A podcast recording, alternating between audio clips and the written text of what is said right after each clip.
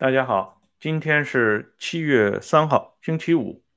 我们今天啊，继续来讲一期党史杂谈。然后呢，我们还是按照昨天没有讲完的这个程序来继续铺陈一下华国锋他的这个军权是如何为邓所谋算的。那么今天呢，我们要涉及到一个重要的政治人物，他的名字叫苏振华。苏振华这个人，本来我是想安排在我的这个。开国将帅异闻录里边专门给苏振华讲这么一篇的，但是考虑到这个我们这个系列它的上下的呃这个排序，那么就把苏振华的这段故事安排到这里来了。今天的这个题目，想必大家也已经看到了，毛泽东对毛远新的一个重要的指示，不找苏振华，同时呢还涉及到另外一个上将军。许世友他的儿子当初在那种非常激烈的时刻，写给他自己的女朋友啊，这个总医院护士的一封温情脉脉的情书，正是这封情书啊，引发了上层双方进一步的厮杀和混战。好了，现在呢，我们言归正传，我们先来看一下这位海军的第一政治委员苏振华，邓。要侵夺华的军权，首先拿掉了杨成武这个拦路虎，接下来呢就要面对苏振华和陈锡联这两个人。其实对于苏振华和陈锡联，邓呢对陈锡联并没有太大的顾虑。一则呢是因为陈锡联这个人，人称琉璃弹啊，这个人非常圆滑。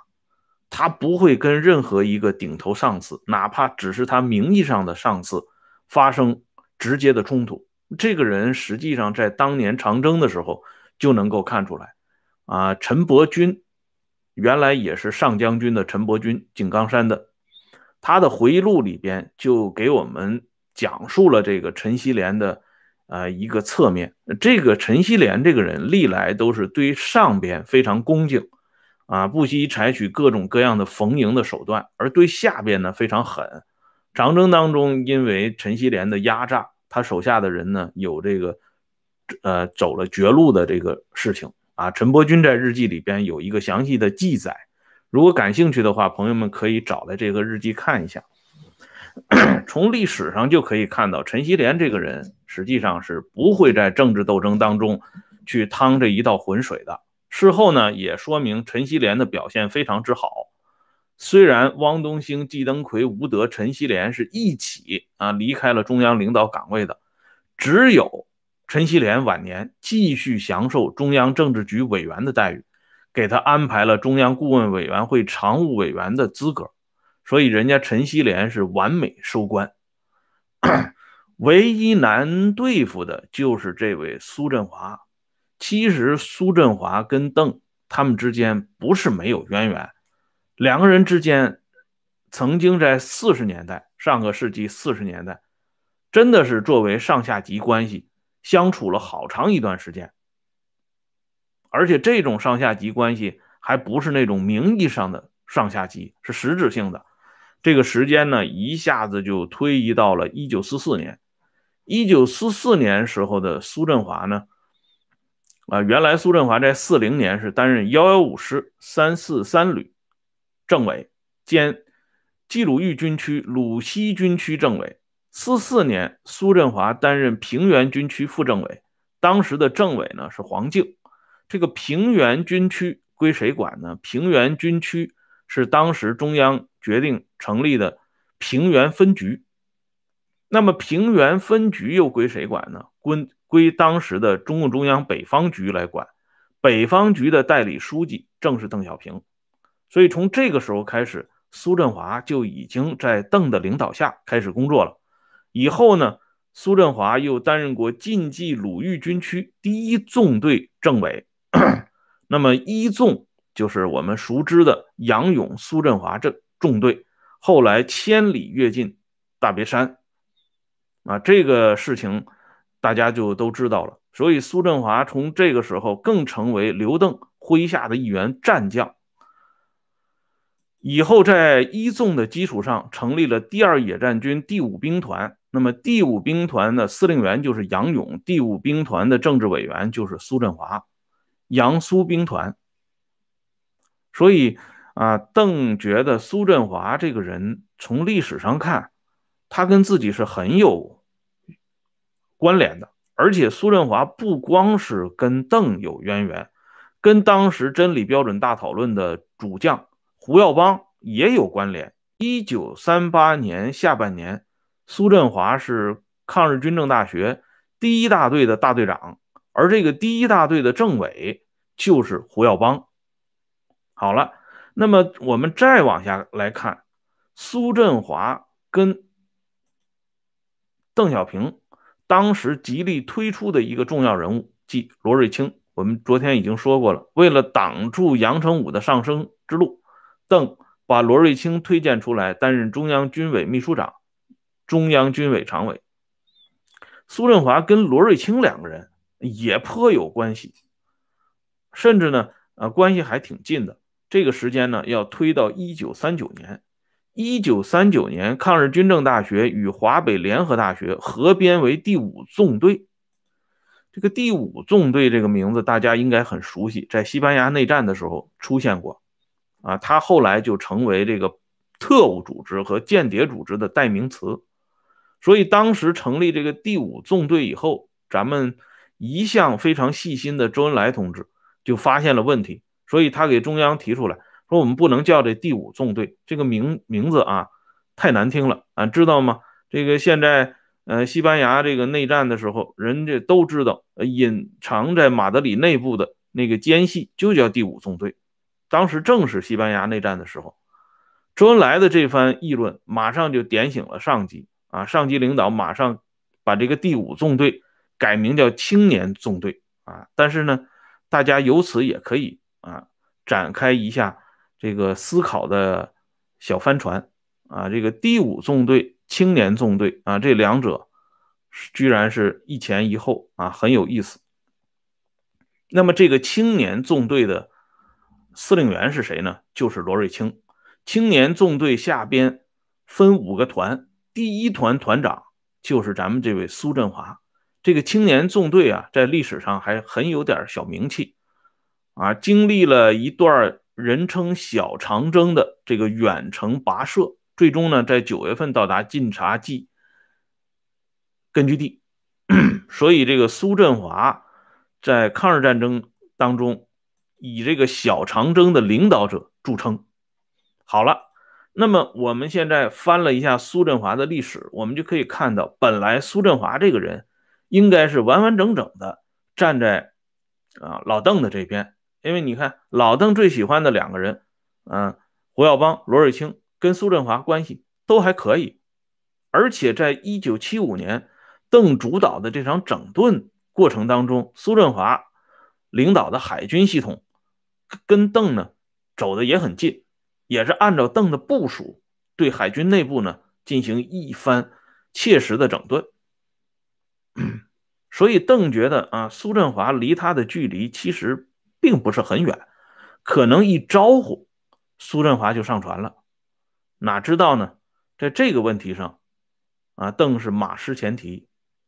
这个苏振华不仅不听招呼，反而呢，啊，对邓。包括邓之前批邓和后来邓的复出，苏振华都不是一个积极的态度。苏振华最喜欢的人物，或者说最紧跟的人物，第一叶剑英，第二华国锋。当然，离开叶剑英、华国锋之后，还有个第三人，那就是江青。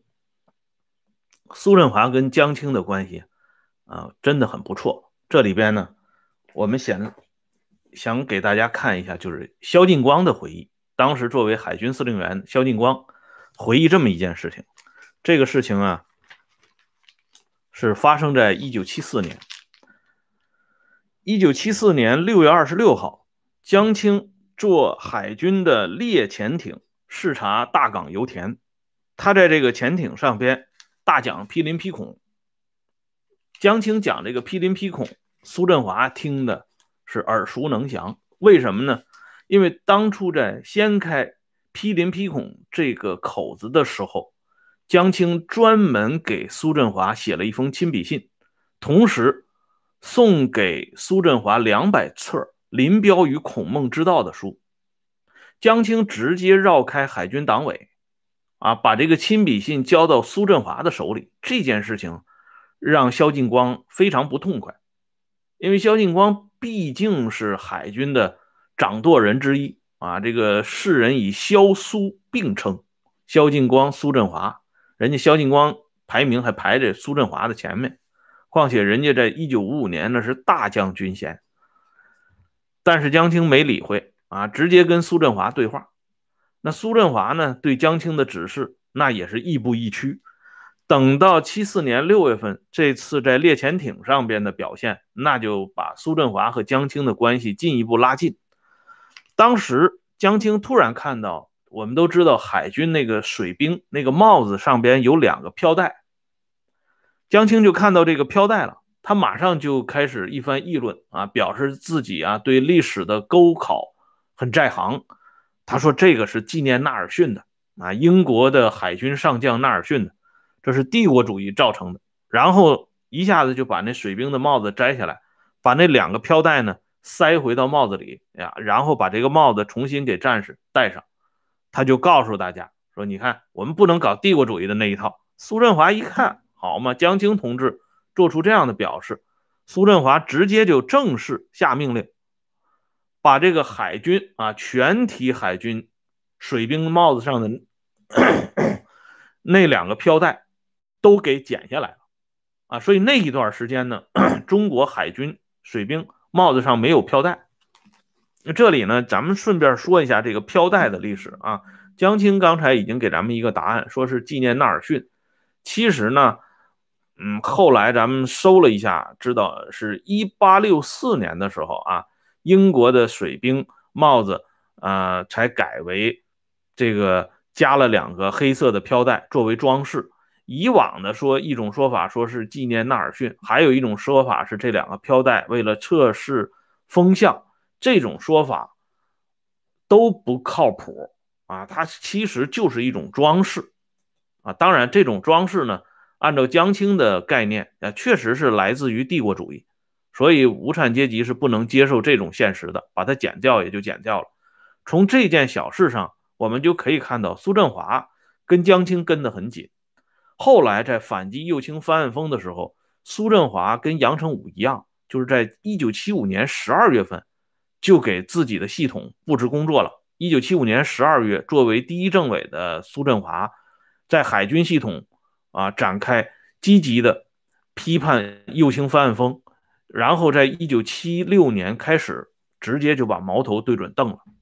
按说呢，这苏振华跟得这么紧，为什么毛还给他的侄子毛远新留下那么一个重要的批示？那这个批示呢，正好是发生在四五运动期间。我们来看一下这个批示的来龙去脉。这个时间是发生在一九七六年四月七号上午八点零五分到九点十五分。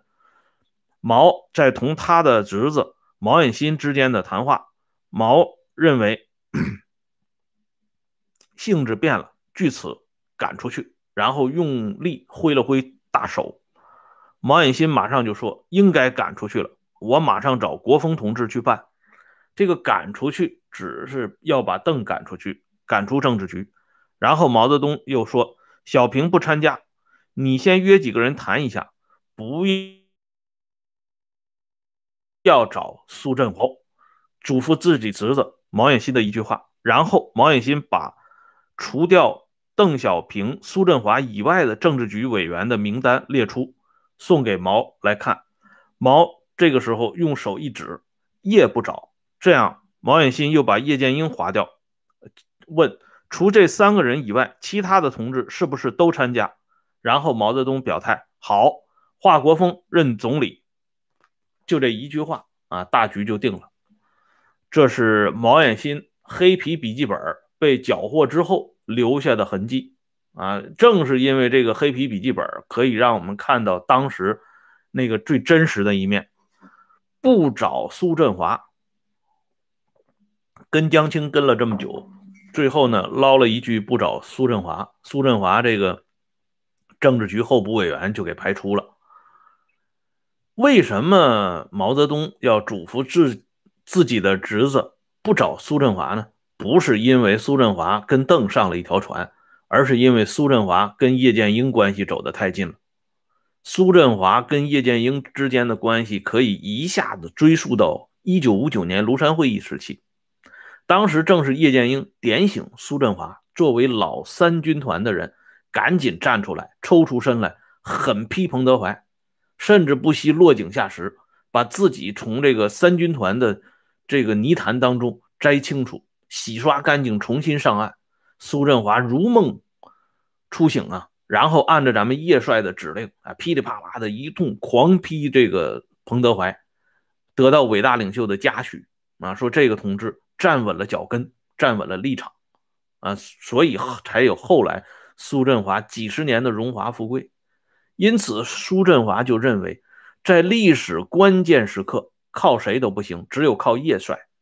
所以，叶剑英人前人后就有一句话：“苏振华是个好同志。”啊，邱会作的回忆录里边，我们随处可见叶帅啊，在关键时候都不忘了提一句：“苏振华是个好同志。”所以，既然苏振华是个好同志，那么对不起，叶帅已经靠边站了，你这位好同志也要跟着吃瓜烙。啊，也要靠边站，但是没想到呢，伟大领袖五个月以后啊就嗝屁了，所以这个叶帅呢又重新出来了，出来了。那么苏振华也自然跟着就还阳了。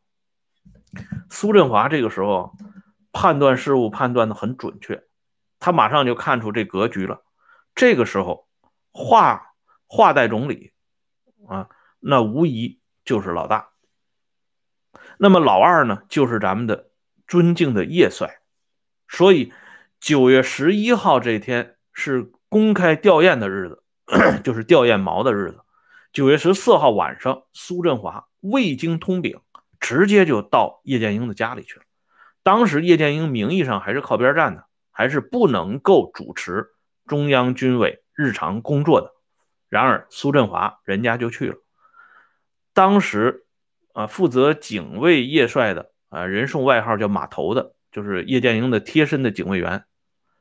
小马一看是苏振华来了，连通报都不用，直接把苏振华请进客厅，啊，直接到叶剑英的卧室，两个人开始交谈。苏振华为什么这么迅速的啊进入到叶剑英的私邸，跟叶剑英这么明目张胆的交谈呢？我们就要谈一下许世友上将军。他的那个宝贝儿子写的那封情书了，谢谢咱们这位朋友的支持啊！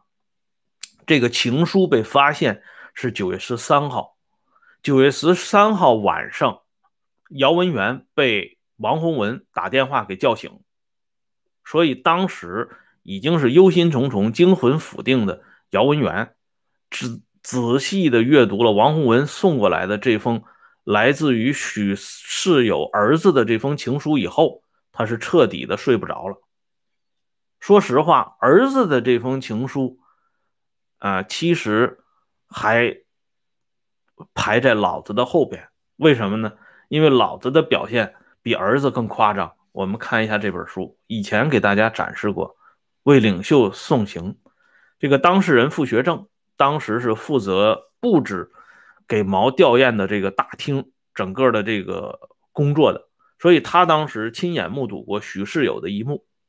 这许世友当时参加毛的吊唁活动的时候，他的穿着装束是最夸张的，因为大家正常都是穿这个军装啊，或者是中山装啊来参加这个吊唁活动。但是许世友他的的穿着是按照他们河南老家啊那个给长辈。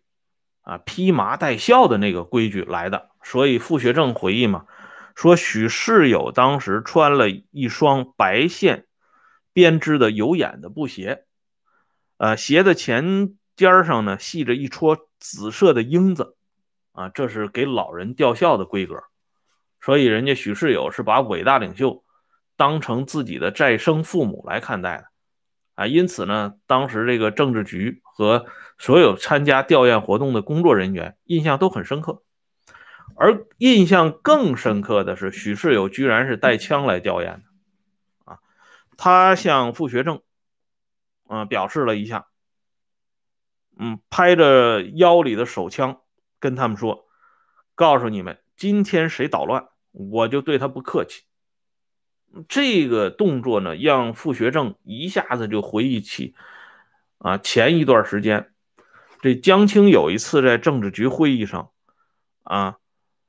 讨论毛泽东这个丧葬事宜的时候，就是在九月九号，毛去世以后不久开的政治局会议上。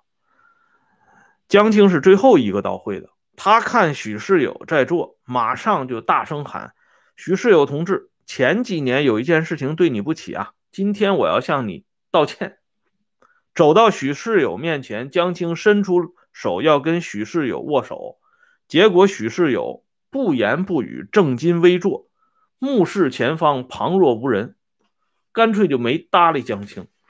要知道，这个时候伟伟大领袖刚刚嗝屁呀，啊，真的可以称之为尸骨未寒。可是咱们这位许司令已经不搭理伟大领袖的老伴儿了。当然，这也没耽误许司令给伟大领袖披麻戴孝。所以说，咱们这许司令的这个变脸变得真挺厉害，也挺艺术。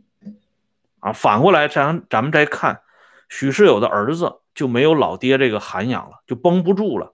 他在给女朋友的信里边呢，姚文元的日记里边有抄录，所以当姚文元的日记被缴获之后，许世友的儿子的这封信呢，自然而然也就披露了。这封信写的很长啊，前面那些缠绵的话我就不给大家念了。他关键里头有这么一句话，他说：“我爸爸说，他只用一个军。”就能把上海民兵全吃掉，这是最关键的一句话啊！这封信是九月十三号落到王洪文和姚文元手中的。那么我刚才说了，九月十一号是吊唁的日子，那就是说不迟于九月十十二号的时候，许世友的这个儿子就已经得到他老爹的真传了。而且许世友他的这个儿子当时他是在军队有职务的。他是北京军区的一个团长啊，那是陈锡联手下的兵啊。因此，咱们一看当时这个斗争的尖锐程度已经到这个程度了，而且就在当时，许世友也放出一句话来：现在啊，我们现在我们只听华总理的召唤，说白了就听华国锋一个人的话。所以苏振华九月十四号啊到叶剑英家去登门，这已经不是啥秘密了。而且接下来苏振华在同叶剑英他们之间对话，这段对话没有披露，因为这仅限于苏振华和叶剑英之间的悄悄话，这两个人后来都没有说过，所以咱们今天也就无从得知了。但是。从叶这里出来以后的苏振华又赶紧去了华国锋那里，可见呢，他们两个人之间的谈话一定是涉及到咱们这位华代总理了。